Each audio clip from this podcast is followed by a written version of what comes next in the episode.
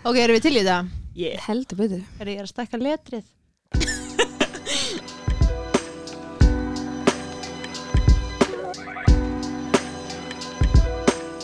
Kæru vinir, Óvinnis. landsmenn nær og fjær Háttvirtur fósiti líðveldisins herra Guðni.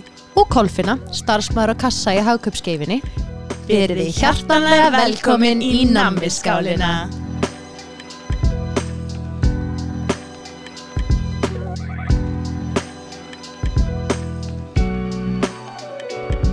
Fyrsti gestur okkar er margfaldur Eurovision meistari Nammi Grís. Gullbarki með silkifingur.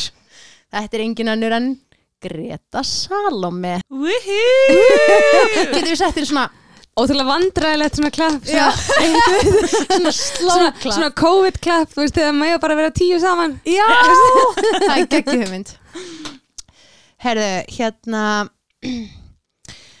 Auður vill ræða eins hérna Ég er búin að þurfa að leiðrétta hana þó nokkur, nokkrum sinnum Ok. um, um, að, um að skrifa ekki Greta Já, Þetta er nefnilega stór skemmtilegt því að ég hef haldið bara í mörg ár að það heitir Greta en ekki Greta. já, sko ég hef hérna, uh, ég hef séð nafnum mitt í ymsum útfærslum uh, bæði á efnisgrám og í blöðum og svona alls konar en uppáhals útfærslan mín sem ég hef lesið var á efnisgrá og þá var ég reyndar sko ég held ég að vera eitthvað svona 14 ára og var í tónleiksskólum Reykjavík og var að spila í strengjasveit og ég les efnisgrana og svona nöfn allra hérna krakkana sem voru að spila svo sé ég bara Gretar Salomon.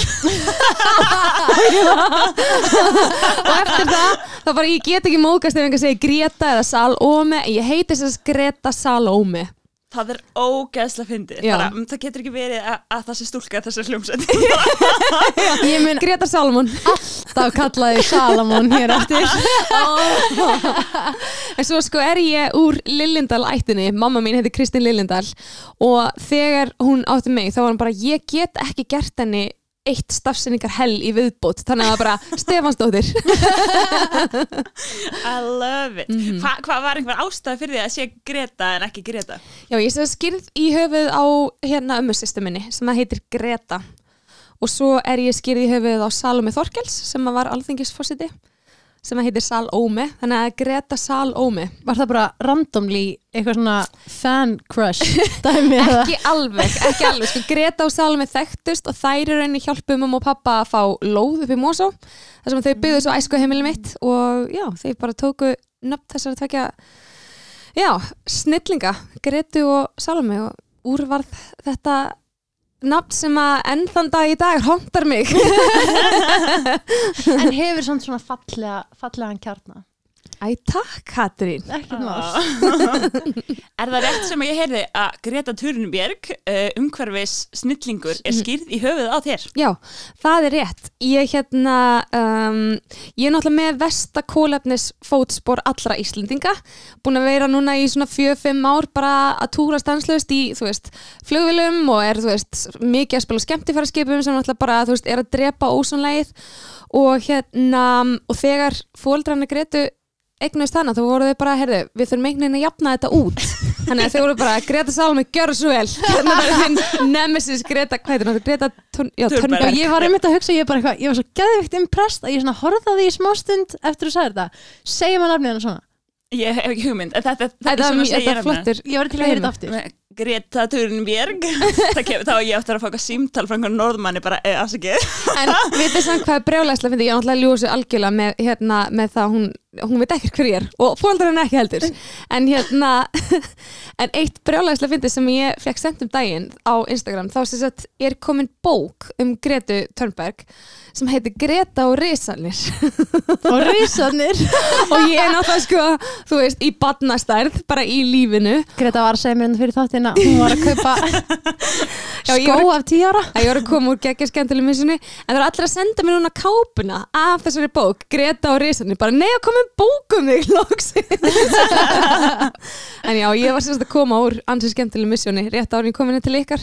Þá hérna Að uh, kefti ég skó á netinu, svona Reebok Nano skó sem að kosta þetta 20 skall eitthvað út í búð var að vera að selja á 3500 á brask og brall og ég Nei. bara, herri, þetta er mín stærð, fer og kaupi þetta og til dyrana kemur ein ótrúlega grútleg tíu ára stelpa og er bara, ertu að koma að sækja rýbokskona? Ég er alveg, já, hérna, réttu mér einhver að bleika rýbokskó, ég er þetta skotnið þínir.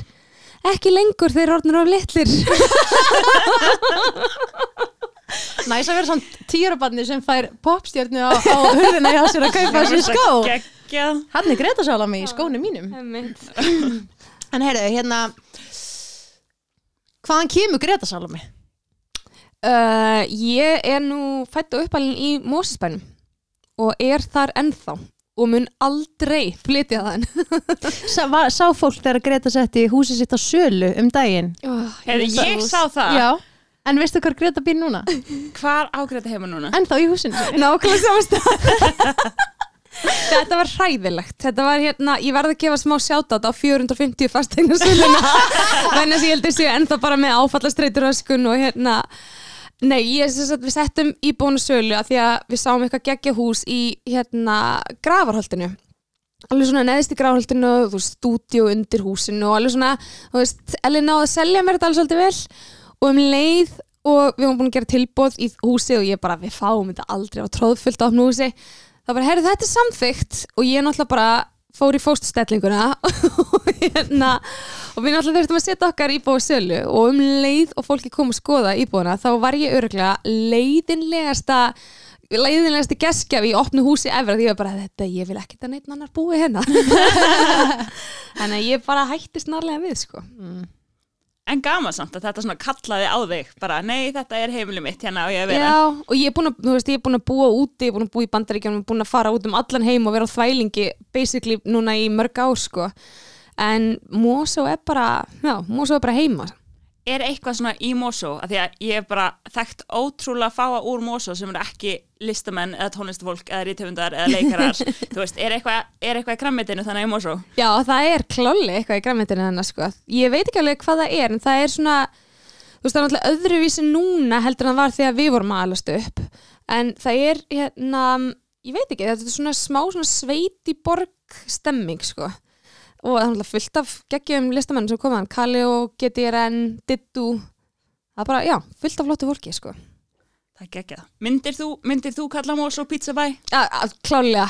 geggjað. Pizzabæ, það þing Ég Mosó, Akureyri, sko sumi kallaða pizzabæ. Já, já, já Dóri DNA? Ég skil, ég skil ég Heldur skil. betur. Katin er frá Akureyri. Já, nokkulega ég ekki. Þau eru ennþá að býða eftir tónlistina, tekur aðeins lengri tíma fyrir tónlistina. já, já, já, að fara upp. Þetta sjá, sjá, sjá andlita á Katinu, hún er bara Ég, ég bý nú reyndar í hundra einu Reykjavík Veistu hvað hérna sveitatútan sagði við því? Hvað? Mosó, það er svo langt í burtu. Ég bara, brá hverju? Þú býrð á Sko- Akureyri. mér, mér líður alltaf bara eins og ég sé að fara á Akranes ef ég er að fara í Mosó, sko En þú veist, að verandi frá Akureyri það tekur allt bara fimm minútur, sko Já, reyndar. Þú veist, ég var að fara að sækja auði á þann og þú býrði í hvað, 108, 4, 5 Ég býrði í 105 Já, ég þarf alltaf að hugsa því ég held alltaf að ég búi í 104 en ég bý í 105 Ok. Hvar í, Rey- nú er ég náttúrulega utan bæjar hvar er 105? Sko, er, ok. er það hennar Núna er ég mjög hættum að ég sé aftur að, aftur að ljúa en ég bý allavega í laugadalum ég held að sé 105 en það gæti verið 104 Ok, hún býr bara hliðin á Glæsibæ. Ég bý við hliðan á Glæsibæn Já, ok. En- Nei, ég bý reynda við hliðan Huppu ís sem er skemmtilegri staðsending Það tók mig samt sko korter að keira úr miðbænum heim til hennar. Það er tekið mér miklu styrtir tíma og Mosó upp í Glæsibæ, tímyndur, max. Glimti En ok, hérna uh, við heyrum rosa mikið að Gretu post-Eurovision mm en uh, hver var Ret Reta? Hver var Hver reyta? var Salamón Reta? Fyrir Eurovision? Uh, ég, sko, ég hérna, eins og segi, ég fættist og ólst upp í Mosó og var bara, byrjaði að spila fiðli þegar ég var fjagur ára gömul og það var bara ekkert annað, veist, ég var bara alltaf í tónlist, svo var ég í dansi, reynda líka og var bara alltaf einhvern veginn að, veist, það var prógram frá mótni til kvölds og svo fer ég í, um, eftir grunnskóla fer ég í mennskóla Reykjavík og þá í rauninni svona þá er ég komin á þann stað ég þarf svolítið að fara bara að ákveða mig þú veist að því þegar þú ert í klassísku námi þá er þetta ákveða svo snemma að leggja það fyrir þig Þannig að þegar ég er orðin 16 ára og er nýbyrð í MR þá fer ég í listaháskólan og tek listaháskólan og MR á sama tíma sem ég mæli ekki með. var, Býtu, hvernig gerum maður það? Kannski farið í háskólan bara meðfram já, í rauninu var kerfið sko svolítið gallað á þessum tíma vegna þess að krakkar sem að voru komni langt í klassísku námi, það var ekkert, þegar þú var spúin með tónó, það var ekkert eitthvað svona mentaskólanám svona fyrir háskólanám, þannig að þú þurfti bara að fara beint í háskólan nema þú varst á mentaskóla aldrei Já. þannig að þeir gerði einhver svona undanþáur og ég fór inn á eitthvað sem heitir diplomabraut sem að breytti svo bara í bachelor árið eftir. Þannig að ég var í rauninni í fullu bachelornámi með mennskólum Reykjavík og var þannig bara á litla pólónum mínum að þú veist fara frá selfhólskutinni upp í MR, þú veist það fara í latínum tíma bruna sig yfir listaháskólanum, spila einhvern koncert fara svo aftur upp í, upp í MR og fara í einhvern annan tíma, þetta var alveg þetta var klikkaði tíma, ógeðslega skemmtilegt. Og svo eftir það þá flytti til Flórida, fyrir þangað á svona, hérna, svona scholarship í háskóla og bara fór bara all American hérna liðina, var bara fór í sorority og klappstýri liði Getum við fengið að sjá myndir með þessu? bara heldur betur ekki. Sko, ég reyndar ég á, Hlustundir mig að vona og við postum mynd á Instagram Herru, þá posta ég myndinni af Katrin Meist hérna í fína jólakjólamasta sem ég skrýnsvættaði hérna. Já, akkurat, þið munið aldrei fá sér myndir af mér í klastrifóning ég er með tryggingu. En hérna, já, þú veist, ég fóð bara alla, svona, alla leið þegar komið því að fara í amerískan háskóla það var sjúklega skemmtilegt. Og svo bara eftir ég kem heim þá byrja ég í Symfónihljóðst Íslands og er bara giggast út um allt og, og svo einhvern veginn bara, já, fara hjólinn svolítið að rúlla. Ég byrja, já, byrja að koma út með það sem ég var að semja og svo bara gera þetta einhvern veginn þannig. Ég fer í mastersnám og sendi inn lag í Eurovision eða sem söngukefna hérna heima. Og bara, já, rest is history eiginlega, þannig ég er bara búin að vera í tónlist. Basically. Ok. Oh my god, þetta er alveg crazy. Já, Hvað hérna, ok, sko, Katrín segir náttúrulega að þú sért bara mest til svona íþrótta alvur yfir, bara þú sért alltaf á þönum og eitthvað, þú veist Já. að þetta sé bara á orkan þín og ég meina, ég finn það bara hérna í stúdíun, þú ert bara eins og eitthvað svona glampandi sól, sko, Í gulri úlpu. 100% já. að hérna og, og barnaskóm. En veist, þetta þannig hefur þetta bara byrjað bara, þetta er bara í kjarnanum í uppeldinu. Já, algjörlega og þú veist, ég var ótrúlega heppin að í uppeldinu mínu, sko, mamma er mamma er, sko, kennslufræðingur, hún er að kenna upp í háskóla í þorska þjálfufræðum og kennslufræðum. Hún er fjölskyldaráðgjafi og hérna námsráðgjafi, þannig hún er svona þegar kemur að uppeldi, þá er hún alveg all-in, sko, þannig að það var alltaf gaman veist, mamma var rosa dugleg og pappi náttúrulega líka, eh, bara á annan hátt. Þú veist, mamma var bara svona einhvern veginn þessi algjöru uppalandi, pappi var meira svona hliðalínu alltaf að styðja, þú veist smíða fiðlur og, og svona, en það var bara alltaf gaman og við vorum alltaf kvartar við sýstunar til þess að bara, ég veit ekki bara gera betur og gera meira. Og það hefur einhvern veginn verið svolítið svona fast í mér, en ég verð algjörlega ofvirkari með aldrinum og Katrin getur vitnaði það, þú veist líka eins og þegar fórst hana til Ameríku í námið, einmitt að taka bara ég ætla ekki bara að fara í nám, heldur ég að taka allan bara the all American package bara. Það er mjög klassísk Greta, hún er all in alltaf í öllu, alveg sama hvað það er. Þú veist. Greta opnaði TikTok-reikning og það var bara, heyri Katrin, ég kom að segja þig, við erum að fara að taka um einhver TikTok-reikning hérna."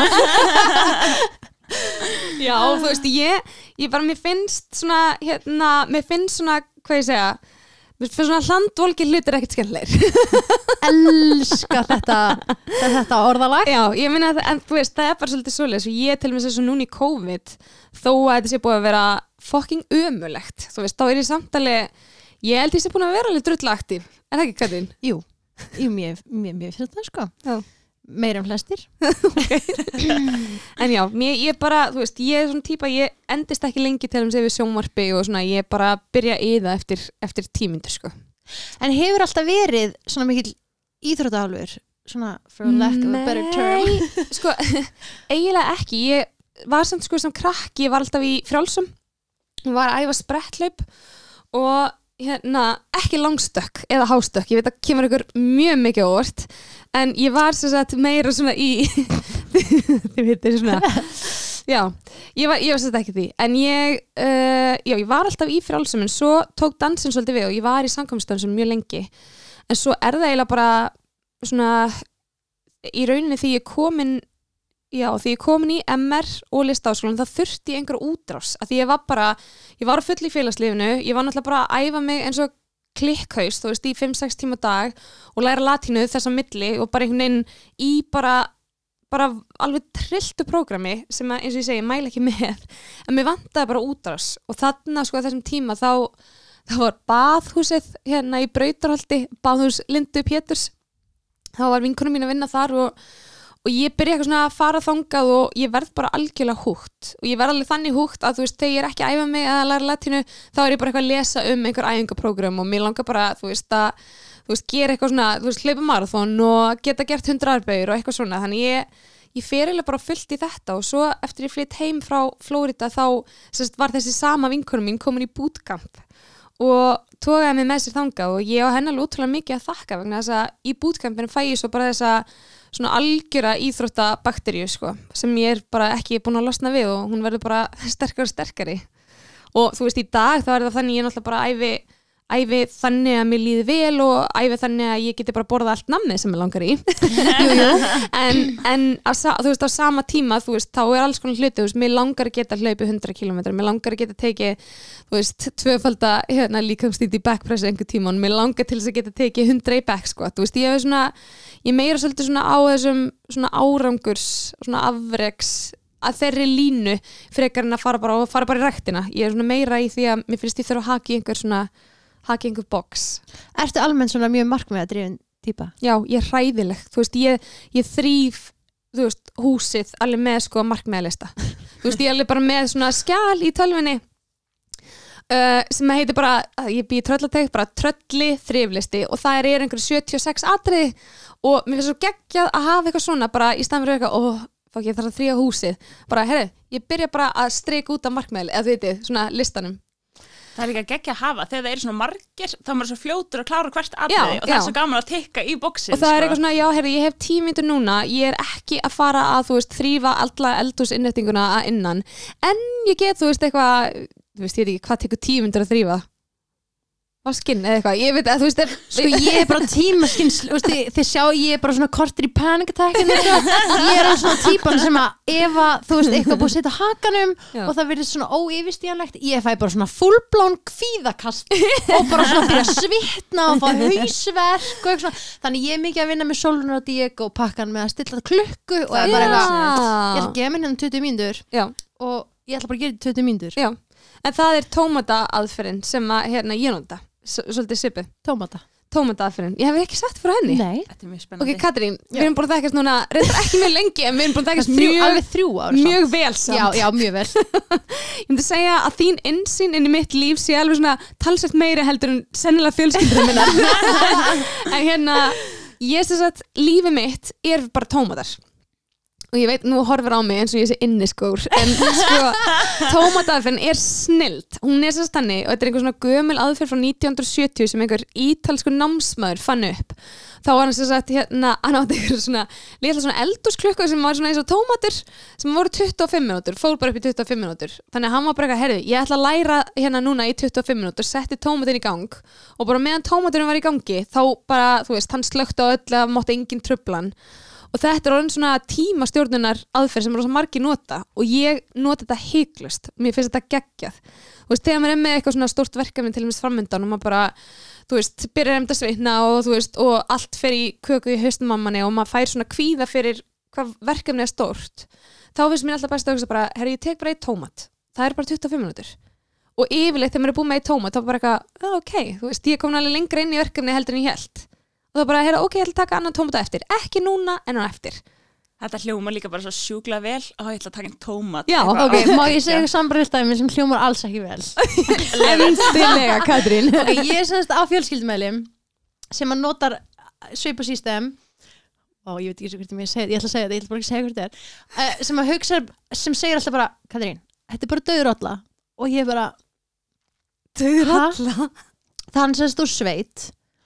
Og, og þú veist, ef það deyr rolla, skilur Já, þú veist, það er bara að fjalla rollina. Það er bara að klára þetta, þetta þú veist, þú getur þú veist, þetta er bara eitthvað sem þarf bara að gera, skilur og ég er bara eitthvað ég er að tengja betur við tómatan þannig að þú veist, mér finnst þetta döður alla geggja ég bara byggst forlát segja þetta fyrir brjóstið einhverjum. Nei, Um, þetta er alveg rétt, veist, það er bara, það þarf bara að gera sem hluti. Já. Þú veist, mér langar ekkert að þrýfa niðurfalli í sturtunni, þú veist, Nei, nei er enda að gera ég það ekki, ok, nú er ég, þú veist, ef Elli er hann örgulega bara, enda gerur það ekki, hræstnariðin. Ég tengi alveg við það, ég er, uh, ég er lítið í Já. Lítið í því Heiður, gerð þú það á þín heimlega? Að reynsa niðurfallið? Já. Nei, það ger ég ekki. Nei, þú býr með hvað, tveimur kallmönnum Ég, sko, ég býð með þreymur kallmönnum. Ok, hún er samt, Ég, þú ég, vilt kannski útskýra þetta sambandi Good for you. you do you. kannski þetta er bara ekki að útskýra það. Ég að það sé skemmtilega að Já, lega fólk já. bara hanga með til loftinu. Leifur sér bara vera opið Nei, ok, ég skal útskýra það. ég býð sér satt með unnustanum mínum og svo leiðum við með tveimur öðrum. Ok, bara svo að koma í einhver, einhver sögur og kreik en ég sem sagt hata til dæmis, ég hata að skipta um á rúmunu, mér finnst Já. það það ógeðslega er leðilegt ógeðslega leðilegt. og þú veist, og brjóta saman þvott ég bara brýti ekki saman þvott, mér finnst það svo leðilegt Já. En annað finnst mér bara mjög skemmtilegt að gera og yfirleitt að þrýfa svona einhvern tímann eftir miðnætti þegar maður er að lappa upp í rúm þá ákveður maður allt í hennu að skúra og skrúpa sko. mm. Katrín tengir það. Vá. Vá, ok. Nei, ég var enda að segja við auði áðan út í bíl að, þú veist, ég er að eðlisfæri þá er ég svo, svona pyrrandi jákvæð típa Þú veist, ég er alltaf óksla bjassín Já. og að því, Ég get tekið undir það. en ég er líka svo bílaslega kvatvís að Já, ég ef, ef, ég væri, ég væri ekki svona jákvæð bjassin líka þá væri ég bara alltaf í einhverjum þú veist, á einhverjum veggjum í einhverju kvatvísis hrunni Eh, en þegar kemur að svona hlutum þú veist, ég bara, ég þarf að að vinna bara, ég þarf að fara rosa djúft til að finna jákvæðinina í því að það sé gaman að, að gera húsverk sko. en ég er hins vegar hústjórnarskóla gengin, við skulum ekki gema því Nei, hættu. Jú, Jóhann Hvernig segir ég segir vörusvik Já, ég, ég sá ammæliskökuna sem þú bakaðir fyrir dóttuðina. Ég fór með sem, ég fór með sem með þér í hagkaup, þú veist að kaupa skrautið á hana. Og ég man líka bara, við erum búin að gera þá bara þann samning, ég ætla að fá að baka ammæliskökanda Helga Alice Sko ég núna í skil ekkert í þessu, ég fekk fullt að rosi fyrir þessa köku sko.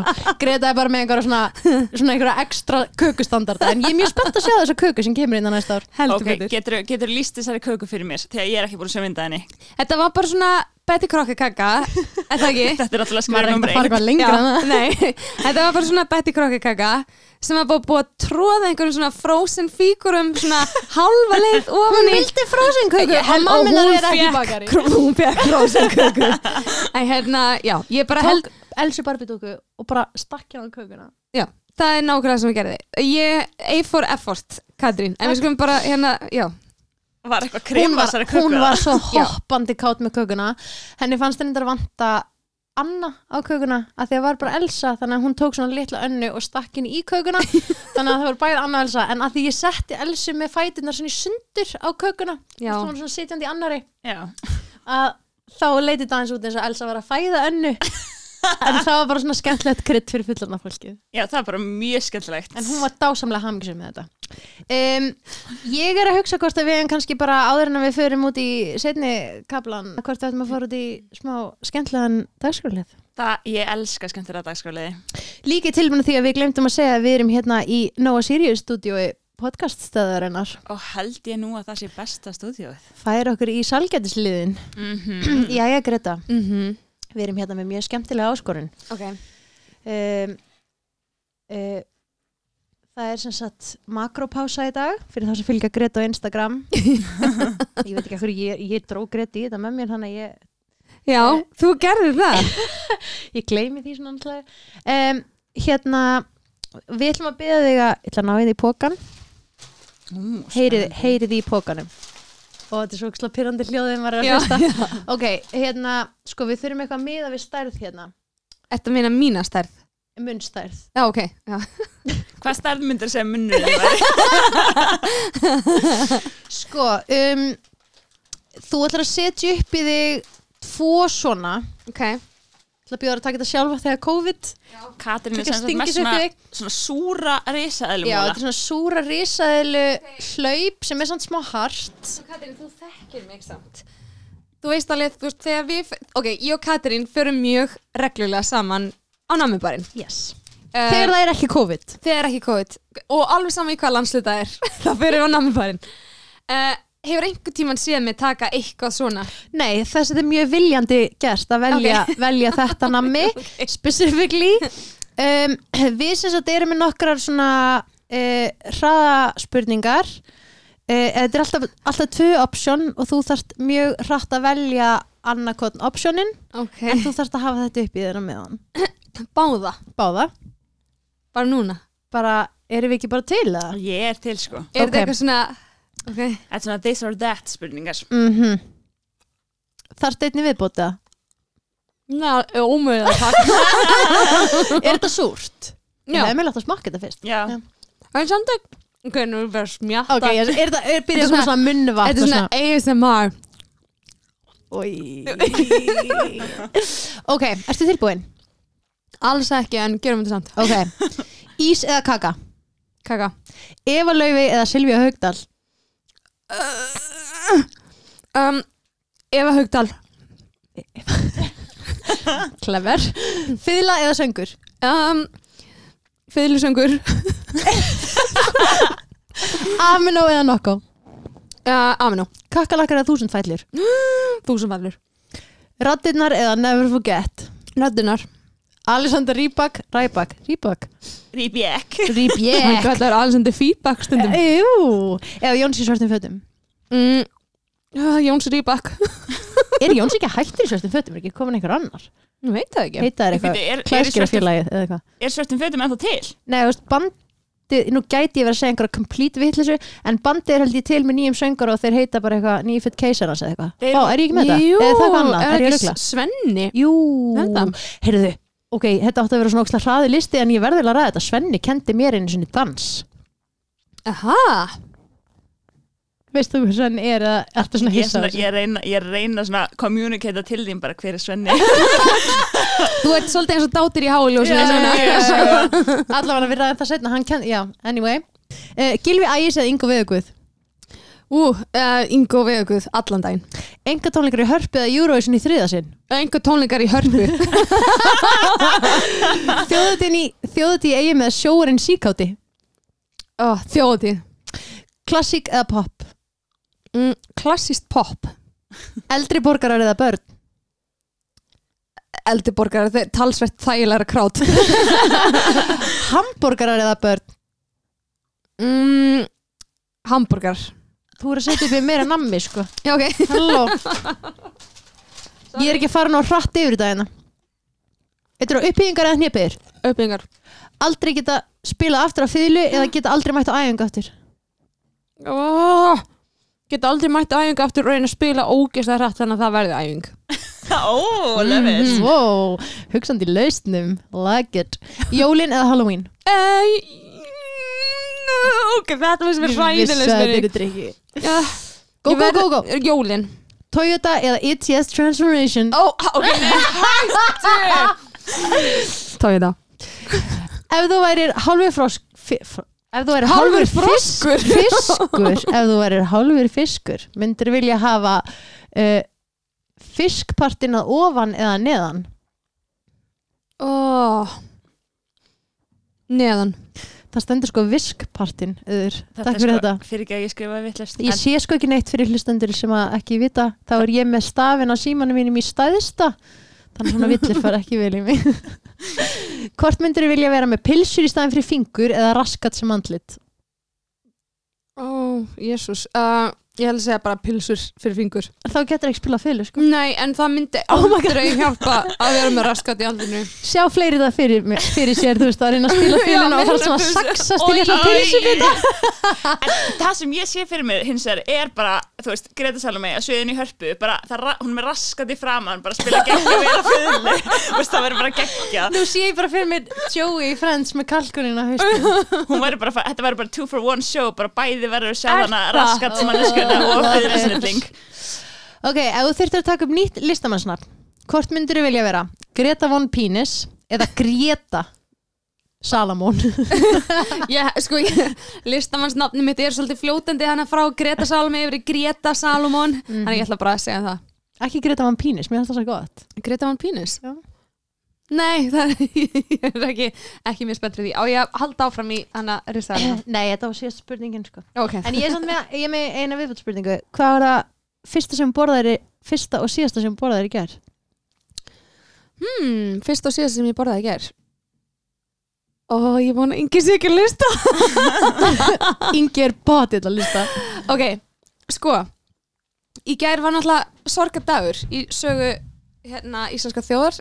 Amalistagurinn? Nei, það var fyrir Það er fyrir dag, en takk fyrir það. ég nei, var nú bara að vinna í ungverðarleikin, en hérna... Já, já, já, já En takk fyrir að hafa aldrei að vera ammælistöð um, Sko, ég hérna ég held mig algjörlega beinubreytin í gær. Bara byrjaði á mínum, hérna bara byrjaði á því að fasta eins og ég ger yfirleitt og svo fekk ég mér skýr með olbrann sem að mér finnst alveg sjúglega góð morgumættur en svo sagt, kom leikurinn og ég var ógeðslega sterk fór yfir til sýstu minnar, sýstu minnar á mér og hún bakaði sko, við erum að tala um eitthvað það geðveikasta sem að ég hef smakkað. Þetta er svona snúðakaka frá Lindu Ben. Mhm. kanil, sko, þetta er, þetta er kanilsnúða kaka sem er bara svona mjúkir kanilsnúðar svona tróði saman í einu köku. Me, Með hvíta kreminu? Mm -hmm. oh, og ég var geðið sterk þanga til að 850 mínútu þegar ungurinn skoruði Mhm. þá fór ég bara að fekk mér kanilsnúða köku sko. Ég segi bara go for it. Go Glen Coco. Við þurfum eiginlega að fá svona ok, er einhver annar að vinna en í mingals ég, ég ánum þetta. Það er bara want my pink shirt back. Ná, alveg minnir Oh my god, Danny DeVito, I love your movies. Bara, oh, geggju mynd. I wanna lose three pounds. Herri, vilt þú henda ef að býða með þannan eða ef að, ef að hendi hann eða? Heyrðu, ég er bara sjúklega til það Ok, Ok, sko, hér eru við með, með hérna tónlistamann sem að. Veist, semur texta þannig að hún ætti nú að rúlla þessi upp. bara svo við setjum svona ekstra pressa á hana. Við erum með hérna bara svona hérna, mjög skemmtilegan svona skapandi lið, dagskrálið fyrir Ok. þig. Um, Liðurinn heitir Ljúttu við ljóðið. Jésús, ok. Og hérna viljum við aðtjóða bara hversu vel þú getur klárað þessa fínu ljóðbúta sem við Katrín byggum til handa er Podcast allra landsmanna heitir Nammi skálin hmm. Podcast allra landsmanna heitir Nammi skálin. Uh, skemmtun fyrir um, landsmanna. Skemmtun allra la- landsmanna ég ætla bara að nota rýmið ykkur aftur. Já, já, ræða helstu máli.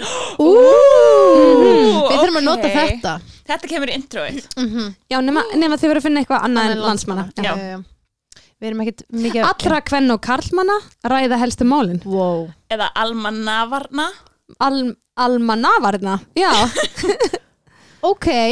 Mm Takk fyrir þetta, þetta var skemmtilegt. Við þurfum að fá okkur svona sér tónlist fyrir þennan dagsfjörlið eitthvað svona mm. Hvað, hvað hljóðfæri er þetta sem við mér síndist nú verið að spila fiðlu en ég hérna Heyrðu, ég, could be ég, mistaken. ég, ég ætlaði nú ekkert að ræða þetta sko, en þú veist, ég er náttúrulega svona með sérstakann human band hæfileika já, þú veist sagt mér frá þessu. Já. ekki eins og nú ekki tvisvar. Nei. Það, fólk, fólk vil deila um, um, um hversu mikill hæfileiki þetta er en við, við kannski komum með betra tóndæmi hérna setna en áfram höldum við. Áfram höldum við. Hvernig eh, þú veist, langaði þið alltaf að þú veist, spila þú veist, erlendis annar staðar og já, mér langaði það reyndar alltaf. Ég, sko, þegar ég fór í mastersnám í tónlist 2010 þá eiginlega svona uh, fannst mér ég loksins ef maður má orða það þannig eins og ég hefði komið út úr skápnum vegna þess að veist, ég var náttúrulega bara búin að vera í hardcore klassík alltaf en var alltaf svolítið rebel sko. veist, ég var inn í herbyggi að, þú veist, pikka upp einhver metalíku gítar, solo og fiðluna, þú veist, 13 ára þegar ég hótti að vera að æfa skalanum mína og svo setti ég bara útarpið á og bara spilaði með, þú veist, klukkutímum saman. Þannig ég var alltaf svolítið svona, svolítið leitandi líka bara út fyrir þetta þröngaform sem að klassikin er, þó ég elski klassik og það er alltaf svona mitt, kannski aðals, hérna, svona aðaldæmi, en að 2010 þá uh, er ég í skálholti í svona workshop námskeið í þessum mastersnámi. Og þarna var ég alveg bara alveg freka mikið svona, hvað ég segja, svona ráðvilt. Var bara nýkomin úr námi sérst, úr bachelornáminu og ég kynntist manni hana sem að var skólastjóri í svona prodigy skóla fyrir fyrirleikara breskum kalli sem er 85 ára og ég ætlaði þannig að heldur betur að fara að spila fyrir hann einhverja, einhverja fylgu, þú veist, koncerta og eitthvað. Og hann sagði við mig hann sagði á þessu fallir ennsku hann sagði put the bloody thing away. Svo sagði við mig, bara ég veit alveg þú getur spilað á fylgu og ég veit þú getur sungið en hvað langar þig að gera í tónlist? Og þarna var ég sko 20 og, var ekki 22 eitthvað svo leis og ég er búin að fara í gegnum háskólanám í tónlist ég er búin að vera í tónlist frá því að fjögur ára og ég hefði aldrei verið spurðað þessu spurningu. Hvað langar þig að gera með tónlistina? Og þetta var bara svona algjört wake up call fyrir mig. Og eftir þetta þá var ég bara einhvern veginn svona bara ég ætla alltaf að vera bara að fylgja því hvað mig langar að gera með tónlistan og með þetta, þetta hljóðfæri sem er kost sem að er röttin eða feylan eða bara það sem ég er búin að eyða í rauninni lífinu mínu í að læra. Og eftir sko, eftir fyrsta skiptið hana í Eurovision 2012 þá kem ég heim og er bara að gegga sko upp fyrir haus þú veist ég var bara já ég var í symfóníinu, var svo bara öll kvöld að spila og syngja á einhverjum tónleikum og var að búa til plötu með senu og ég var bara einhvern veginn svona fekk, fannst mér ég, ekki tíman til þess að finna sjálf mig endilega bara í tónlist og bara í bara hvað mér langaði til að gera. Um, nema svo ákvað ég bara, herðu, mér langar til að gera eitthvað meira heldur en bara þetta, mér langar ekki bara að vera á Íslandi í, þú veist, gegn harkinu eins frábært að það er, en ég var bara búin að vera mjög lengi í því og mjög svona harkalega í því. Þannig að eitt kvöldi þá sest ég niður heima og ég bara sendi á umbóðskrifstóru út um allan heim bara dundra út e-mailum og ég man ég tók alveg sko einhverja vikur í þetta, bara á hverju kvöldi bara satt ég og bara sendi einhver promopakka bara út í loftið, ég vissi ekkert hvert ég var að senda. Og svo nokkur mánuðum setna árið lengur búin að kleima þessu og var bara, þú veist, emitt að koma heima einhverju giggi. Og þá fæ ég e-mail frá hérna, umbúrskistóð í Kanada sem stendur bara við erum búin að hérna, vera með á skránum svolítið tíma og það er búin að vera hérna, mikil vinn í gangi sem við vildum ekki einhvern veginn, þú veist, tala um við þig áður en þetta var eitthvað hérna, konkrétt en Disney vil vinna með þér. Og þú veist, hvenar, hvenar myndur þú geta að hugsa þér að koma? Og ég sagði bara, hvenar vil ég fá mig og eftir það þá svolítið fóðu svona boltinu rúla og í gegnum það þá fekk ég þess að samning hjá Disney sem ég er búin að vera á í rauninni hjá síðan. Svo skipt ég reyndur um umbúrskristu og fór aftur í Eurovision og svo er ég bara búin að vera á ferðarlei síðan þá, bara í gegnum bæði þessu umbúrskristu í gegnum Disney og Disney sem keifti headliner sjó hjá mér þannig að við byggum til svona stórt sjó hjá Disney og já, þetta er bara búið að vera alveg ótrúlega skemmtilegt ferli, svo er náttúrulega búin að vera framlega fullt af síningum eins og Halloween Horror Show sem, a, mm -hmm. sem að við kentumst í og mm -hmm. hérna, þú veist, var leikstýra Phantom of the Opera og bara gera svona alls konar hluti, fyrir utan það náttúrulega bara vera að syngja og semja og spila og hérna, já, fljúa hjá Disney og eitthvað svona eitthvað bull. Já, gegn Já, Var það geggjað? okkur spenna Hvað er svona, er eitthvað svona moment þar sem þú hefur verið bara á einhverju sviði eða á einhverju svona vettfangi, þú veist, og þú hefur verið bara, shit, ég er bara hér. Þú veist, annars svo til dæmis Eurovision eða Já, eitthvað.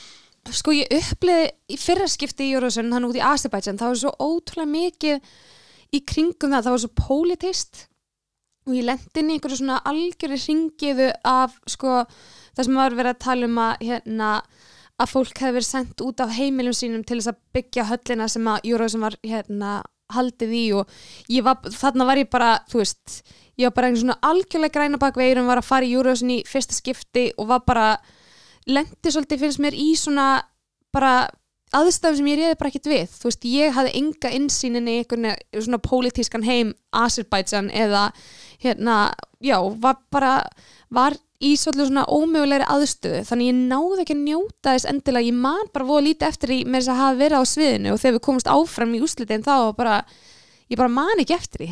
Sem svolítið skrítið, þetta var bara álag sem að svona einhvern veginn tók svolítið gleðina frá manni þá.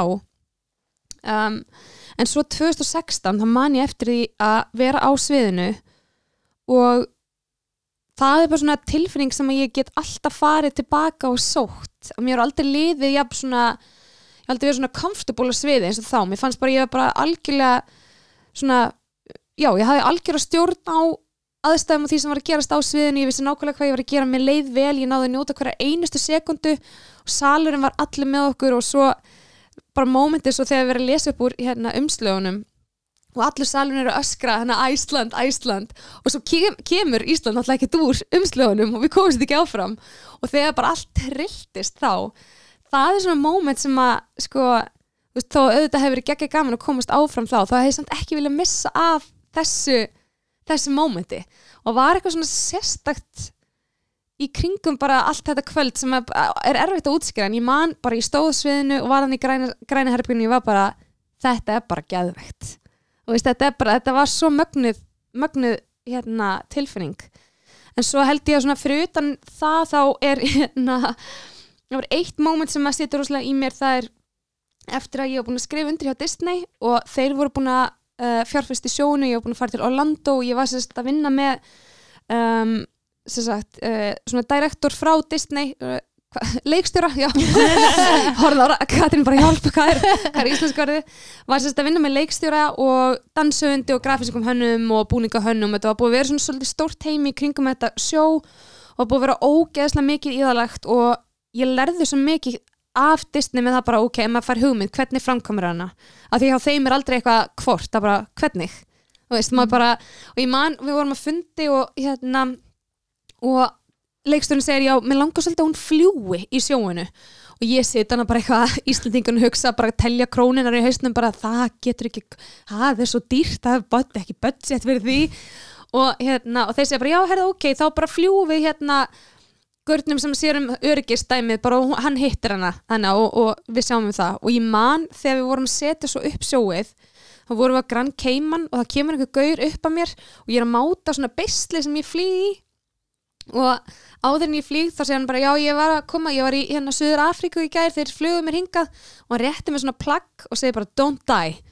Ég ok, ég skrifundi það og svo hann bara farin í flugvel þannig að þeir flugunum bara frá Suður Afríku til Gran Cayman bara svo þeir getur framkvæmt þessa hugmynd að láta mig fljúa í þessu sjói. Og svo það kvöldi þegar við svo loksins náðum að gera flögið og halda sjóið það var sérst frumsenningin það er bara svona tilfinning sem ég held ég aldrei eftir að upplifa aftur. Það er bara ok, ég er hérna hjá Disney með sjóið mitt og ég er að fljúa það er bara svona tilfinning sem er ótrúlega erfitt að útskýra sko. Oh my god, þetta er alveg svona wild. Ég sko ekki ekki rínast, ég fæl bara svona gæsa húð, þetta er sko geggjað. Þetta er líka, ég held að þetta sé bara svona að því að Íslendingarnir eru kannski ekki markkópurum fyrir allt þetta sem þú ert að gera nei. og ég held að ótrúlega margir Íslendingar veit ekki einu svona af öllum þessum æfintýrum sem þú ert í, þú veist þetta er alveg bara geggjað ég man sko einu sinni er, ég sko bara, ég einu sinni á æfinni hitt, ekki hitti, sé þig á æfinni minni þess okay. og það var hérna ég var eitthvað í hörpu mm. og ég einhvern veginn svona, ég man ekki hvernig þetta atvikaðist en ég, ég lendi inn í Eldborg okay. og hérna Lendur þú bara inn í Eldborg? Ég lendi inn í Eldborg, ég var sko með vinnum mínum og, og hann átti að vera að taka einhverja ljósmyndir og, og við lendum, áttum að fara eitthvað baksið sem lendum inn í þessum áhörndinu voru, okay. og eitthvað, eitthvað, tókum einhverja ljósmyndi þar og þar varst þú einmitt bara á sviðinu bara, og, hérna, og bara einhverjum fullum skrúða og það var eitthvað fólki svona sirkussilkjum, þú veist, hangandi með já. þú með fylg og salurinn var sko pakkaður af fólki sko. og þetta voru alltaf einhverju ferðamenn af einhverju svona skemmtifærðarskipi og ég var bara, what, wow, hvað Greta Salome bara, þú veist, bara með heila eldborg og fólki silkjum og bara, ekki hugmynd, þú veist. Já. og þá ert þú bara með þetta leini líf sem er bara sjúklega áhugavert. Já, takk fyrir það, en þetta er bara þú veist þa- það sem ég hef alltaf einhvern veginn fundið er bara með, með það, þú veist, maður getur náttúrulega alltaf maður velur sér svolítið bara vettvang. Þú veist, Íslandi er frábært en það er náttúrulega bara ákveðið svona kapp sem að fylgja því að vera í 350 manna þjóð. Þú veist, þú nærð aldrei að spila fyrir nema svo og svo marga því við erum bæði bara ekki með fólki hérna til þess að, til þess að fara á tónleikana við erum ekki með húsin í það. Og eins og úti að þú veist að geta, geta spila og sungið fyrir kannski 4-5 manns á kvöldi er bara trillt, Mhm. maður næri þessu ekki hérna bara út af smæðin okkar. En það sem að maður fær á móti hérna heima er allt öðruvísi sko upplifun af tónlist og ég nýtist miklu meira að mörgu leiti að, að spila heima heldur en úti. Að því hérna einhvern veginn fólk þekki mann og fólk þú veist, maður, það er alltaf einhver tenging og maður eitthvað, já, æ, þessi, já, þetta er hérna frænka, þú veist, frænka þessa og þessa, þú veist, það er bara eitthvað svona í þessari íslensku sála að við eigum eitthvað svona í hvort öður alltaf. Þannig að, já, mér finnst alveg, sko, ég hata COVID ég hata COVID, en mér finnst geggja að vera á Íslandi. Ég man, svo ég komi nú líka með mína ég hérna, þegar ég hérna, hitti Grit fyrst þá að, það var Greta Leikstýra sjói sem að ég var að vinna í og hún var í sjóun líka. Og það sem kom mér mest óvart var hvað þessi litli naggur var svona uh, hvað hún tók mikið pláss og, og svo veist, á góðan hátt skilur og, og hérna uh, stjórnaði vel öllu þessu fólki og hvað hann var ákveðin og vissi hvað hann vildi og það sátu bara fullt af fólki hana og það gerði bara allar sem hún sagði. Og það fannst mér svo geggjað að því að þú veist að vera í þessum bransa og vera kona í þessum bransa mm Mhm. maður, maður þarf að hafa fyrir því að uh, fólk hlusti á það sem maður segir. Já, já, algjörlega. Og, og það, mér fannst það svo gaman að sjá unga konu gera það svona vel Æ, takk En það er líka, þú veist Ok, nú Svo við tölum líka um, þú veist einmitt, eins og þú veist að segja með að taka plás það er, þú veist Það er erfitt fyrir konu en ég finn alveg fyrir því það er ennþá erfitt þegar þú veist að segja þú veist þessi litli naggur þú veist þegar maður er einhvern veginn þú veist kemur 1.50 eða eitthvað 1.55 samt samkvæmt viðabröðinu mínu þú veist kemur bara lítið ljósærð og maður þarf einhvern veginn alltaf að vera að sanna sig finnst mér. Þú veist og með kannski þú veist maður er með einmitt þetta á þú veist búin að vinna fyrir Disney búin að fara í Eurovision búin að þú veist með masterskráði því sem ég er að gera en maður er alltaf einhvern veginn og kannski skiptir ekki það er kona eða kall, ég veit það ekki en maður er alltaf, finnst mér svona á nulli þegar kemur að verkefnum maður þarf alltaf, alltaf að fara í að já ok, þú veist, núna þarf ég að gera í þetta aftur, þú veist, að láta fólk taka marka mér. En þarf maður ekki til þess að gera allt sem þú ert að gera og komast þangað sem þú ert að- þú komst þarf maður ekki að hafa svolítið bein í nefinu og vera svolítið gutsy heldur Og taka betur, jú, algjörlega og líka bara vera drull. Það er alveg sama hver þú ert og þú veist, og því, því þeim meiri velgengni, þeim mun þú veist, meiri mótbárur líka, þú veist, það er bara þannig í lífinu. Það er veginn, það er alltaf kallt á toppnum og ég er ekki sé eitthvað standa á toppnum, engan veginn sko. Maður er bara alltaf í einhverju endalösu klifi. En það er samt þannig að ef maður ætlar að ná langt, það þarf maður auðvitað eins og þú segir, að hafa bein í nefinu og það er bara fullt af fólki sem að, sem að fíla það ekki. Og ég held að sé, ég held að sé alltaf óryggi veist, sem, að, sem er rótina því. Fólk endur speklar alltaf sjálft sig einhvern veginn. Þegar fólk er svona já, gaggrinnið kannski ósangjant á aðra þá er það alltaf að einhvern veginn endur spekla eitthvað óryggi í sér. En sem betur fer þá er það samt þannig að svo náttúrulega bara ég allan hef verið það heppin ég bara hef unni með ótrúlega mikið að geggjöðu fólki sem að hefur ekki bara tekið marka mér heldur líka bara ítt mér áfram og látið mér fá verkefni sem að ég, þú veist, kannski hefði bara annars ekki fengið og ábyrð sem að ég kannski taldi að ég var ekki eins og tilbúin fyrir. En svo bara tækla maður það. Maður bara tekur, þú veist, þetta er bara döður alla þetta er bara tómatur sem þarf að gera. Já, algjörlega Og færðu einhver, einhver tíman svona einmitt, þegar þú færðu einhver verkefni, hefur einhver tíman hugsað bara, oh my god, eitthvað, oh, ég geti þetta ekki, eða Já. ertu, já, ég, sko, kannski svona augljósasta dæmi um það sko, 2016 þegar hérna, ég fór aftur í söngukefni hérna heima þegar ég stóð sviðinu og þau tilkynntu að þetta lag hefði unnið og ég fattaði það að ég var að fara aftur í þetta, þú veist, þessi, þetta Hunger Games sem Eurovision er þá ég held að sjáist alveg á upptökunni ég var alveg bara fuck, það var bara svona í alvörinni og þá, það er svona, ég, ég skal alveg viðkynna að þá svolítið svona mér fjallar svolítið hendur. Alveg í svona fimm minútur, svo þú veist, þurfti mann bara bara að taka sér saman í andlitinu og bara gera þetta. Um, og svo er það bara ótrúlega oft þannig ég meina eins og á öllum þessum ferðalögum sem ég er í, þú veist, þegar maður er að og Katrin alltaf hefur búin, búin að fylgjast með þessu. Þú veist, maður er kannski að fara og spila hérna og þarna um heiminn og er í kannski fimm löndum í sama mánuði og maður fær ekki farangurinn sinn. Og þú veist, svo týnir maður nótunum sínum eða bara, þú veist, eitthvað klikkar á sviði. Þú veist, annað Disney sjóðum mitt þá kem ég á sviðið og bara fyrsta sem gerist er bara öll hárin í bóganum mínum bara detta úr og ég bara Uh, well this is fun. Þú veist, bara svona alls konar litir þannig að það bara gerist og maður það bara vera einn á jólunum Ó, útlöndum. jésús, já það var hræðilegt, ég var einu á jólunum í fyrra. Já, ég veit það. Það er bara, ég ætla aldrei að gera það aftur. Ég, ég veit, ég er búin að segja þetta við svo oft, en ég ætla aldrei að gera það aftur. Þá sérst, í fyrra þá hérna að fæ ég tilbúð frá sérst, American Ballet Theatre sem er alveg risastór svona amerist ballet company þá sérst bjóða mér að vera með hérna helmingssjó á móti þeim á celebrity skipi sem er alveg svona 5.000 manna leikhús bara á sjó. Og þetta sérst er um jól og þetta var bara þannig tilbúð ég bara það var bara engin leið að hafna því.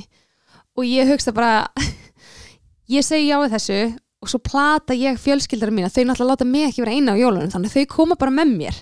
Að því í þessum samningum þá má ég yfirleitt vera með fólk með mér. Og svo bara náttúrulega skrifa ég undir samningin og tilkynni fjölskyldara þetta og það er allir bara eitthvað já Já, góða skemmtun.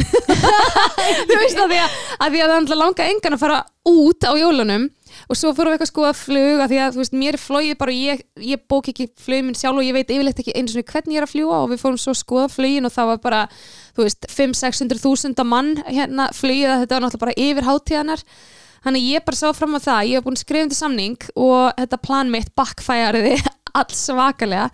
Þannig ég fó bara og var ein úti í Karabíska hafinu á jólunum. Og eftir sjóum mitt, þetta var svo krútleit samt, eftir sjóum mitt þá á aðfangadag þá hérna kemur gömul kona til mín að því ég var, sagði það á sviðina ég bara, þú veist, þetta var fyrstu jóli mín ein og þetta væri svona pínu skrítið og það kemur gömul kona til mín með svona lítið ógeðislega ræfilslegt en krútlegt jólatri og sagði bara, ég kom með þetta með mér til þess að halda jólaandanum en mér langar að gefa þetta þannig ég fór eitthvað inn á svítuna Ó. með jólatri, þetta litla já, ræfislega jólatri kveikti á svona seríunni. Og svo fór ég og var eitthvað að róta í ferðartöskum minni og þá hafði sko hérna kærasti minn og fjölskyldan sett sko svona surprise jólapakka í töskuna. Þannig að ég var með malt og appisín bók eftir Irsu og Sirius Æi. hérna súkulega þannig að ég var bara upp í rúmi með þetta jólatri hlena mér að lesa Irsu og borða eitthvað, þú veist, konfekt og drekka malt og appisín og þetta voru bara jólin hjá mér í fyrra Ég skála kortir að fara hágrátt never again. Og ég man ég, ég, man, ég satt svona á rúmuna og ég alveg bara þetta er bara ákveði low point. En samt svo mikið high point já, þetta var, þetta var rosa fallegt sko. en svo náttúrulega, svo reyndar kem ég heim bara, þú veist í gamla og svo bara lenda á spítala beint já, eftir það. Auður einmitt var að spyrja mig á leiðinni. Nú, á, Fyrirgefðu á flugvillirum, Já. já, einmitt. Já, þetta árið búið að vera við kannski segjum hvað gerðist ef að hlustendur eru svo auður og mista af þessum fréttum Já, ég bara mista af þessum settum Já, Mhm. í, já þetta, þetta er ekki skemmtileg saga en ég er sem sagt hérna kem heim hana eftir þessa, þessi geggjöðu jól og átti að fara út aftur til bandaríkjana á 13. 7. hérna janúar og ég bara upp á árumótunum þá fer ég að vera eitthvað skrítin og bara líður ekki vel og er að syngja á einhverjum styrta tónlingum 4. janúar þar sem ég þurfti að setja upp á sviði í Lindakirkju á millið sem ég var að syngja og þannig er ég bara orðin einhvern veginn þannig ég gat ekki setið og ég mér var illt í bakinu og mér svimaði og ég sá ekki skýrt og þetta var bara algjör spull sko. Hann ég bara lappa af sviðinu í miðjum tónleikum og kem svo heim og ég bara bara vestnar og vestnar komið hita og eitthvað svona og svo kvöldi árin ég átti að fljúa út þannig að 15 þá fyrir við út að borða og ég bara á að fá Óskarsvelun fyrir hérna, þann leik að því náði einhvern veginn að halda mér saman en ég fann bara að þú veist bara kerfi mitt er bara að hrynja. Þannig að eftir, hérna, eftir matinn þá sem sagt þetta var reynda, þetta pínu gráðbróslegs vegna þess að ég sko, ég vil aldrei vera veik og ég segi bara við hérna kærastum mér bara, herri, ég held ég verð að fara á læknavaktina og hann segir bara æ, borðaði ekki bara mikið? Og ég maður sko það er svona sögð á mér því ég borðaði bara ekki neitt. Og hann eitthvað, já, ég eitthvað, já, hann á ekki að fara á læknavaktina. Og við fyrum að leggjum sko fyrir að læknavaktina. Og ég eitthvað, herri, ég ætla allan að fara og kaupa hitamæli. Þú veist, áttum ekki einu svona hitamæli heima því að veist, við verðum bara aldrei veik. Og ég kaupi hitamæli og, og ég eitthvað, ætti ekki að kíkja upp? Og hann er alltaf sá sem er sko með skynnsemina en þarna var hann bara ég meina, hvað er þeir að fara að segja, ertu ekki bara með hita og tekur bara, veist, íbúfenn og það bara, þú veist, það bara sé Já. ella að segja þetta. Já, og ég eitthvað, jú, ætli það ekki. Svo kom ég heim og ég bara byrja að æla og fæ bara eitthvað flók og hann er bara, uh, ok læknavættin hefði mögulega verið betri hugmynd. Og þannig er ég komin sko í þrjósku kast og bara er ég er að fljúa út klukkan 5 daginn eftir og er að fara að spila fyrir þrjúhús manns, ég get ekkert hætt við það. Og hann segir bara ok, þú ferð allavega til læknis hann um morgunin áður en þú flýgur. Og ég ger það fer til læknis ég man ekkert eftir þessu. Og hann segir við mig bara, já, herðu, ég veit alveg hvað er að þér, þú er með nýrnasíkingu og ég eitthvað, nýrnasíkingu, hvað, þú veist hvernig fæ maður svo leis og hann eitthvað, já, þetta er allt í lagi ég læti hérna fá þessi hérna lif og þér verður batnað fyrir klukkan 5 og ég eitthvað, herðu, ok, snild. Svo bara býði ég eftir að klukkan er 5 og drösla mér einhvern veginn út af völl og þar bara er ég, þú veist, ég finn ekki fyrir höndunum á mér, ég finn ekki fyrir andlitin á mér og ég bara hristist og skelf og ég man bara að ég er eitthvað svona rétt að fram viðabröðum mitt og gaurinn í tekkinu hann bara, hérna Greta, ég veit að þú, er búin að fljúa með okkur mjög oft en ertu í ástandi til að fljúa og ég hugsa bara, hann heldur okkur þessi full og ég er eitthvað hristað bara, já, já, ég þarf að komast út. Og svo man ég bara voða lítið annað en ég var sko komin, ég heitti vinkona mína vist í, hérna í duty free, hérna dæminu og ég bara man ekkert eftir því.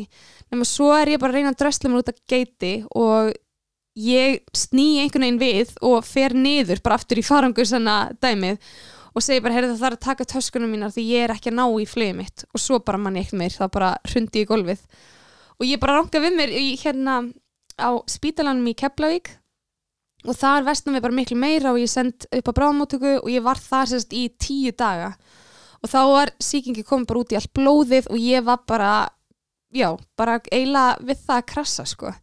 Og var komið 42 og hálstegi að hita og, og þetta, þetta var svolítið mikið svona wake up call fyrir mig en þess að þegar, þegar sko hérna lækninu kemur timmin og ég, ég segi svona ok, hvað, veist, hvað hvað hefði getið gerst, þú veist, ef að ég hefði farið í flögið og hann sagði að þú hefði bara sennilega dáið sko eða í besta falli hefði þurft að nöðlenda einhver staðar og þú hefði lögð inn, þú veist, í Kanada eða, eða í New York eða eitthvað en, en þú hefðir mögulega bara ekkert, ekkert náð sko hérna að klára flögið og það einhvern veginn að fatta það bara ok, ég var í þessu sko ástandi að reyna að drösla mér upp í flugvél til þess að fara að spila á einhverjum tónleikum þú veist Þetta er svo mjög, sko, þetta er svo klassíst greita samt, sko, kunna ekki að stoppa. Þetta er líka bara svo klassist, ég held að þetta sé ótrúlega mikið bara í íslenski menningu, þú veist, þetta er bara að push through og eitthvað algjörlega og ég hugsa bara klukkan er að fimm ég með að breytir engu, ég hef bara komið í flugvél bara sest á mig, geta alveg spannað þar eins og heima. Þetta finnir, ég var að segja við Katrínu bara í bílnum á leiðninga, ég fann svo gott kvót á Instagram um daginn, það var einhver, einhver vinnu minn sem postaði og það var sko, um, hvað sagði hefði verið, það var make, make, make time for your health now uh, or else you'll be forced to make time for your diseases later. Já, og það er rosalega rétt Það er sko. rosa þannig. og líka þetta að halda heiminn hrinni ef maður mætir ekki Mm. ég meina, þú veist, Maður er ekki ómsamdi og maður heldur. bara sko. heldur betur ekki sko. en maður er ómissandi fyrir fólki í kringum og, og það einhvern veginn, þú veist, þegar ég fatta það bara, þú veist, að ég, ég var bara búin að stef, þú veist, stefna sjálfur mér í hættu alveg alveg tala sem mikla hættu bara til að fara að spila á einhverjum tónleikum. Ég elska hvernig þú ert alltaf, já, þetta er þetta skelvileg saga, svo það er alltaf hlægjandi og að þetta er svo fáranlegt svona eftir að hyggja en sko það sem var reynda fáranlegast við þetta var að þegar ég losna út af spítalanum og gerði einhvern svona rosa Instagram status bara eitthvað kidney infection 0 Greta Salome 1 og svo sagði ég eitthvað bara allan að eitt gott við þetta er að þetta árir upp á við hérna. Bara little did I know. En hvað hefur þú veist, að því núna ertu alveg þannig að þessi mega íþrótt alveg og bara alltaf bara út um allan bæ og út um allan heim, hvað gerir þú svona, þú veist, til þess að gránda þig og svona til að fá einhverja kyrð, eða þú veist, er einhver kyrð eða finnst þið bara alltaf best að vera á fullu? Einu til þín Katrín Auð, ég, einu sem ég hugsa er The Yogi auður. Já, ég, ég, sko, ég hef, hef reynd að fara í jóka Ég, hérna Mér finnst það- það ekki mjög skallett Ég hef labbað út úr tveimur jókatímum bara því að bara Það er svo stór ástæða fyrir okkur ég við Greta en vinkunir. Þetta er einmitt ógst að finna því ég var svona sjálf, ég var alltaf bara á fullu og svo bara slasaði sig, bara eins og það saðir, bara þú Já, veist, veik af álæginu, þú veist, Einmitt. og það getur náttúrulega byrst hjá fólki í mörgum myndum, hjá mér var það bara líkamleg, bara, ég fekk bara brot, þú veist, bara líkamleg Já. brotnaði út af álögunum, skilu, en verið suma bara, þú veist,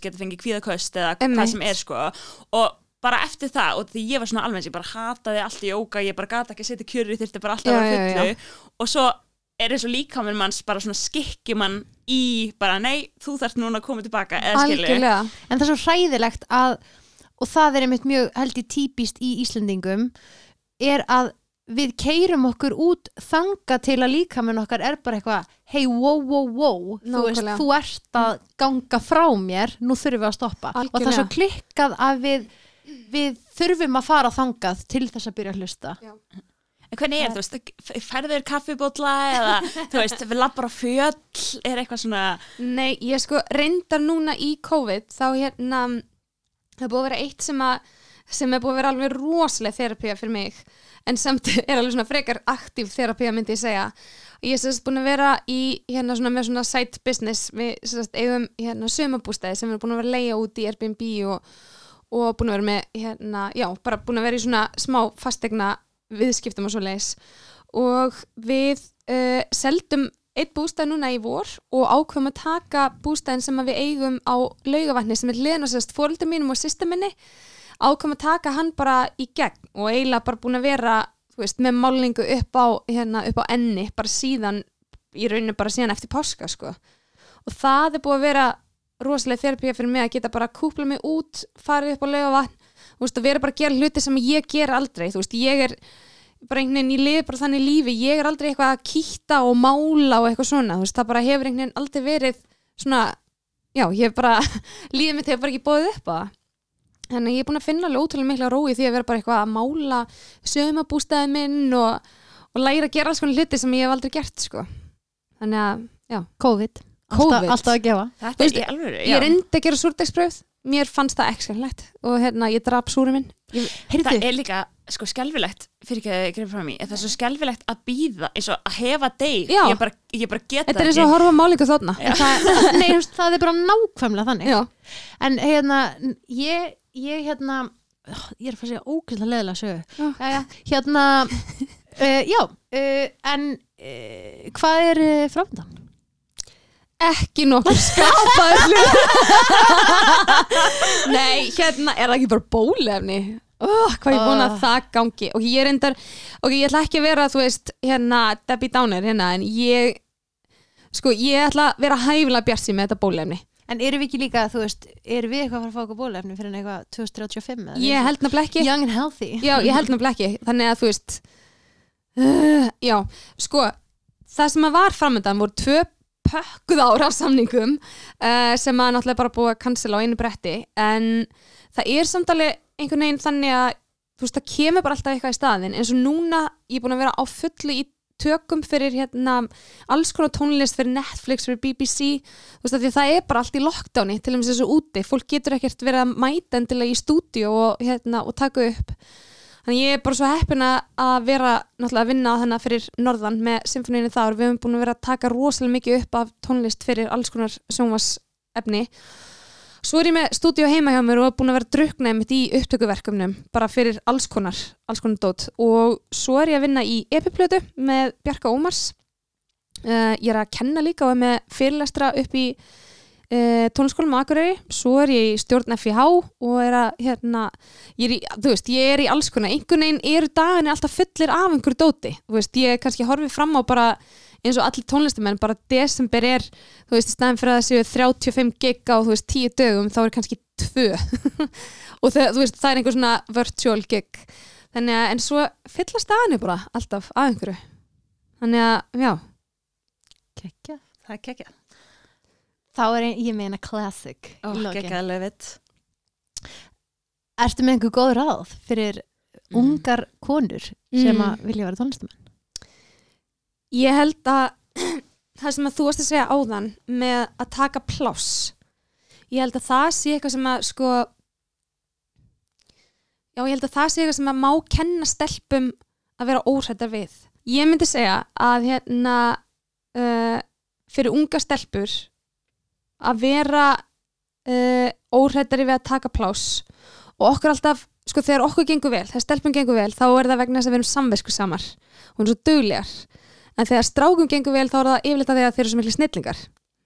Og ég held að þetta sé eitthvað sem að það er svolítið að þurka út úr bara svona orðræðinni og kenna stelpum bara, herru þú ert bara snillingur ekki bara, "Ah, þú ert alltaf svo samviskusum þess vegna gengur þið vel. Mm. þetta er ekki alltaf bara vegna þess að stelpur eru þú veist, duglegar og samviskusamar ráðþægnar, auðmjúkar hóværar, ég held að það er svolítið svona taka þetta út af borðinu, þannig ég myndi segja við unga stelpu sem að langa til þess að vera í tónlist og langa til þess að gera sitt eigið hérna stöf taktu plás, trúða sjálfa þig láttu engan segja þér hvað þú átt að gera eða hvernig þú átt að vera eða hvað virkar menn að það er bara svona time for every season fyrir hverja einustu tónlistakonu við þurfum að fara í gegnum alveg mikið failures eins og allir aðrir. Við þurfum að ganga í gegnum miklu meira failures yfirleitt heldur en flestir aðrir. Þannig að vera óhrætt við að fylgja samfæringunni sinni standa og falla með því sem maður er að gera og standa alltaf upp. Og það er ein sagarindar sem er dettur í hug núna sem að mamma sagði mér þegar ég var örugglega svona 12 ára og ég, hún er alltaf svona alltaf svona in the back of my mind og það er saga sérst af bonda sem átti astna og astnin var hún ótrúlega gamall og var búin að vera sko besti astninas og búin að vera ógislega duglegur og búin að vinna alla sína æfi og astnin dettur hún í brunn og svona djúpan brunn og byrja bara að veina.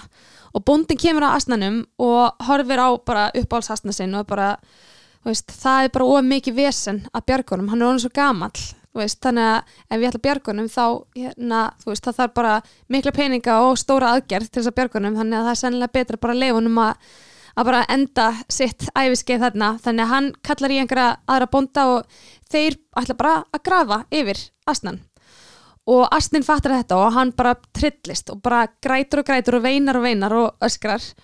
Og þeir halda áfram að grafa og alltaf heldur Astnin áfram að öskra nema svo bara þagnar Astnin bara heyrist ekki í honum og þeir halda áfram að grafa og grafa og grafa og grafa. Og svo fyrir bóndin og eitthvað svona allar að kíkja hvort að þeir séu bara, bara komnir upp fyrir hann. Þá sjáður það að þeir móka moldinni hendir í hérna brunnin lendur á bakinu á asnanum hann hristar hann af sér og stappar hann niður. Og þetta gera hann alltaf þegar moldin lendur á bakinu á hann hann bara hætti að veina, bara hristar hann af sér stappar hann niður. Og mér finnst þetta svo geggjur saga af því að þú veist, það er bara veist, við erum öll og við erum bara sérstaklega 2020, ég meina við erum öll bara með moldina á bakinu, bara það er verið að móka yfir okkur allan fokking daginn. Og þetta er held ég bara svona árið sem að kennir okkur, bara að hrista moldina á okkur fara ekkert í rækjustellinguna heima, þú veist. Og bara hrista hann á okkur, stappa hann niður og halda áfram, þú veist, þegar svo er þetta bara búið. Þú veist, það kemur bólefni eitt tíman það, þú veist, hlutinir hlutinir fara á skrið og fyrir tónlistakonur þú veist, ungar, þetta er bara nákvæmlega sama veist, það er bara þegar þegar hlutin skella á okkur, það er bara að hrista það á sér stappa og bara halda áfram. Pappi segði það alltaf, hefsta mér heldur áfram. Ógæslega góður endir, ég er mjög ánað með þennan endi Ég elska líka bara þetta svona bónda þema sem verða úr til í sem þætti. Já, byrjaði með rollinni og já, Svo Þetta tómatabóndin og- já, já, nákvæmlega. Við hættum kannski að vera með svona sveita sveita, svona dagskrálið Sveita dagskrálið Velkomin í sveitina með Katrin Rauðsu Já, já, það er eitthvað. Mhm. En við hefum eftir að spyrja Gretu að aðal spurningun okkar. Ú, I forgot. Mm -hmm. Ætlar að spyrja? Já, ok, við erum sætt sagt byggðum þetta podcast uh, velkomin í namiskáluna út frá konseptinu hérna að Ísland er svona eins og namiskál Mhm. og við erum öll mismunandi tegundir af nami heldur betur Þannig okkur langaði að svona rýna í það með þér bara hvað er uppbólsnamið þitt og hvað segir það til um personleika þinn? mm, ok, mér finnst það mjög skemmtlegt sko ertu að minna bara eitt Nei, uppáhaldsnami Þrennt. Þegar Við þurfum við Ok. þurfum þannig nokkra hliðar á þessu. Þrjú uppáhaldsnami. Ok, sko ég ætla ekki að fara að segja Katrin þú veist, neina fréttir, hún, hún þekki minn namismæk og, og allir starfsmenn námum bara og og Æsland um, sko ég um, það er ekkert í heiminum betra en þú veist bara Nóa Sirius súkuleg þú veist það er bara eitthvað svona íslenskt og þú, veist við erum báða búin að búið í Ameríku. Getur ekki verið sammála um það að amerískt súkuleg er viðbjör? Ógæðislega Eins og- vant að hafi eins og- fengið amirist páskaegg Því og, líkur hörs, horfjóður og sko. hörsís og svona Mhm. þessu hörsís ég bara, ég, þetta, mér finnst þetta ekki gott. Það er eitthvað svona það er einhver mýkt. Og ég nú er ég að fara að analysera Nóa Sirius súkulæði kannski aðeins svo djúft það er eitthvað svona mýkt í íslensku súkulæði sem maður bara finnur ekkert annar staðar. Mhm. og þú veist, belgi súkulæði er eitt en Nóa Sirius þetta er bara eitthvað já, Paldi hvað er epist að vera hérna í Nóa Sirius Ú. stúdíónu Já, í podcastæðinni? Bara, uh, love it. Love er bara, it. all the stars aligning. Ég segi það. Að hérna, sko þannig súkulæði er, þú veist já, sú- Súkulega er svona kjarnin í sálinni. Algjörlega. það en ekki? þegar kemur á svona þremur uppáhalds akkurat núna, þremur Mhm. uppáhalds nömmum sterkur draumur. Sko, sterkur draumur er bara eitthvað annað og ég var að þakka Markusi Löfi Mónsen hérna uh, fyrir að hafa kynnt mig fyrir sterkum draumi. Áður en hann kom út þá fekk ég sko sérstakka sendingu heim til mín til þess að vetta þetta. Og ég sko það er þessi mýkt í súklaðinu og svo þú veist þetta sterka inni þetta er geðvegt Þetta er þetta geggjublanda sko. og við, ok, þegar þið borðið svona veljandraum þú veist, það er svo pyrrandi þegar það er svona súkulega svona dettur af, við veitir hvað ég meina. Mhm. þú veist það er svona bitan svona detta ok, auður er að horfa á mig eins og ég sé hún er bara, ég tengi ekki að það Ég, sem ég sko, segja. ég borði ekki lakrís allt sem er með lakrís það er átt fyrir mig sko. ég var við bara eigum ekkert sameigilegt nei, hérna um, nei, já, þannig að það gerist ekki hjá sterkum draum nefnilega. Þú veist, það molinar ekki svona. Mýktin í miðinni já, ég veit að þetta er alveg svona smá, svona kort kottnakending, en ok, þetta er geðvegt ég sko reyna að ímynda mér hvernig lítur draumur út? Er það það sem er með löngu lakrís stöngin í miðinni já, já, já. Emitt Og í sterkum þá er svona stert svona inni mm, ok. Svo- svona, mm, já. Ok. Svo nummer tvö akkurat núna, ég ætla að leiða þér að giska Katrín, ég held að þú viti hvað þetta er þetta er besta roadtrip nammi ever. Froskarnir? Heldur að að betur. það. Er besta Aha. ok, sko ángríns, þetta er líka ég komast að því, núna upp á síkast því ég uppgötaði froska í sumar. Mér finnst það svo allir á Og hvort Íslandi. late to the game. Já, sko, en mér finnst samt sko að það hafi orðin svona ákveðin svona froska upplýsing í sumar. Allt í einu, allt í einu var þetta bara uppselt allstaðar og ég er allt í einu að sjá fólk posta þessu á Instagram bara eitthvað, oh my god, akkur er ekki búin að fatta þetta áður? Og þeir sko fást í Tiger. Já, Nei, ú. ja, þeir, heyrðu, ég sá þá í ég sá þá í held í Ólís á Akureyri líka Já, þeir eru til á nokkrum stöðum Já. Sá ég í hagkaup áðan að það er til súrir í hagkaup Já, mér, En ég, er þeir eru ekki, ekki ég er jafn ekki þar sko, Ekki ég er bara klass það sem er geggja við þá er bara þú færið þitt frosk og gulu finnst mér bestu þannig að bananafroskanir, mm Mhm. -hmm. mér stekja gær og hérna, og svo bara býðuru svo kemur þetta surprise Mhm. þegar piparinn, þú veist leysist úr læðingi þetta er, já það er bara allt gott við þetta það pipar leysist. Ég sé alveg fyrir mér bara svona, svona mýktina, svona gretaði svona mjúkins og súkulaði Mhm. En það er eitthvað svona innra miðinni sem svona Já, Svona og svo vill komast út spicy svona- svona, spicy, já, já. einmitt Ég held líka eins og með froskana, þú veist, þetta er eitthvað svona, eitthvað svona free spirit, eitthvað svona, Mhm. svona að því froskar eru svona pínu svona, uh, hvað segir, svona fresh, fattu ég hvað ég meina, Mhm. svona, oh, oh, hvað er ég að segja? Ferskvattstýr skvatstýr Nei, ég var meira svona, já, þú ert búið með veist, þegar maður hefur svona bright spirit, Já, já, já. veist, það er engin, það er engin, engin fílupúki fyrir að velja sér frosk, Nei. nei, al, Algjörlega. Algjörlega ég sammála því. Og ég sko, að því að við erum alltaf búin að tala um það að ég er að telja makrós Ingi Tóra er bara einu sinni að tveist að búin að skama mig fyrir það hvað þeir eru frekir í minni makrotalningu. Að Já, það er bara eitthvað, ok, 70 gram af kolunum froskar. Og alltaf Ingi trefur í þeim heldur sko. Ingi ætlar að koma í þáttinn Aha, geggjað, og alltaf Ingi að koma í að námskáluna ég man þegar Ég ég ætla tók að makra kongin eftir svo tósta mann Íslands í námskáluna Ok, ég man þegar ég tók fyrsta fundi við hann og, hann var eitthvað, hver- er svona þinn veikleiki þegar kemur að næringa hérna, svona næringunni, ég eitthvað, bara súkulaði hann eitthvað, já, ég hérna og þá fatta ég svona ok, Ingi Torfi skilur mig ekki. Nei. hann reyndar skilur mig alveg, en hérna þegar hann sagði, já, veist, Hann borðar ekki nammi? Nei, hann eitthvað, já, ég reyndar, þú veist, ég er ekkert mikið fyrir súkulaði, mér finnst alveg geggja svona að fá mér eitt kannski prótinstekki á kvöldin og kristall, ég alveg wow, viltur og hann er já, mér finnst það geggja. Eða svona eitt sett, ég eitthvað eitt sett það er 38 gram og ég veit það það er 38 gram en hérna, já, Það verður áhugavert að fá hann til að segja okkur hvað er uppáhaldsnami hans. Ég er sko ótrúlega spennt, líka því ég er ekki inn í, þú veist, þið eru náttúrulega makra klúburinn, sko, bara Makromafjan Já, Já, bara makrofafían. 100 p. En hérna, og ég er svo sjúklega peppuð að heyra um bara þetta því þetta er bara svona veröld sem ég tilheyri ekki, þú Nei, veist. nei. ótrúlega spennandi. En þetta er búið að vera sko fyrir mér að telja makrós er búið að vera sko ég uppgötaði það. Ég er örugglega bara búin að vera að lifa á svona 700-800 kaloríum Já, ég tengi mikið í þetta líka. mörg ár og bara eitthvað, oh, akkur, þú veist akkur, og lifta á fullu bara, akkur, þú veist akkur er ekki að stækka, akkur er ekki, þú veist bara, það er vegna þess að borða eins og sjö ára krakki. Þetta En er já. klikkað, ég er mjög spennt. Ég, ég get alveg sagt það að- með hreinu hjarta að hérna, þetta breytti mínu lífi og mínu sambandi við mat og, og hérna bara Ingi Tóri kendi mér að borða Ingi sem er svo líka, mikilvægt. hann veginn, hann er svo mikill peppari og hann einhvern veginn, þú veist hann næra peppa mann án þess að vera þú veist, svona einhvern veginn maður er aldrei hrættur eða þú veist, Nei. hann er svona mjúki pepparinn þannig að meira svona eitthvað ó, maður langar að standa með fyrir Inga. Eitthvað svona, ó, Ingi verið brjálað meira svona, maður langar að standa sig fyrir sig af því að hann, hann næri einhvern veginn að Já. gera þetta þannig að, að maður, maður vilji elska sjálfan sig. Já ok, auður er bara, ok, þetta er trúasöfn Ég bara, mér langar að fá svona greit eins og svona leinigest þegar við erum ynga það sem var leinigestur og þið þrjú verði bara makru, makru og ok, ég verði ég, eitthvað ég er til í það.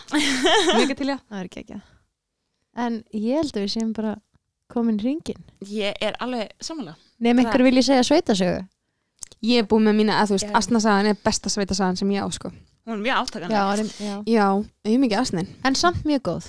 Ég reyndar glimti sko, þú veist þeir náttúrulega endu ekki á því að þú veist, þeir grófan ekki lifandi, menn þess að þeir sá þetta þá voru svo ógustlega hrifnir á honum að þeir björgu honum. Oh. og ég held að hann hefði bara stappað sig upp þú veist, það hefði bara komið endursmold og hann hefði bara náð stappað þangað jú, höfum það þannig. Það, það tók svolítið tíma, en jú, hann stappaði sig upp. Mér finnst þessi bóndi sem algjör bitch já, svona- hann er, þú veist, hann er en svona er, þú veist, þetta, þetta er bara sveitin þetta er bara, þú veist, eins og með döður rollinu það er bara að gera þetta. Það er bara að gera þetta. Mm. já þetta var ákveðin antiklímaks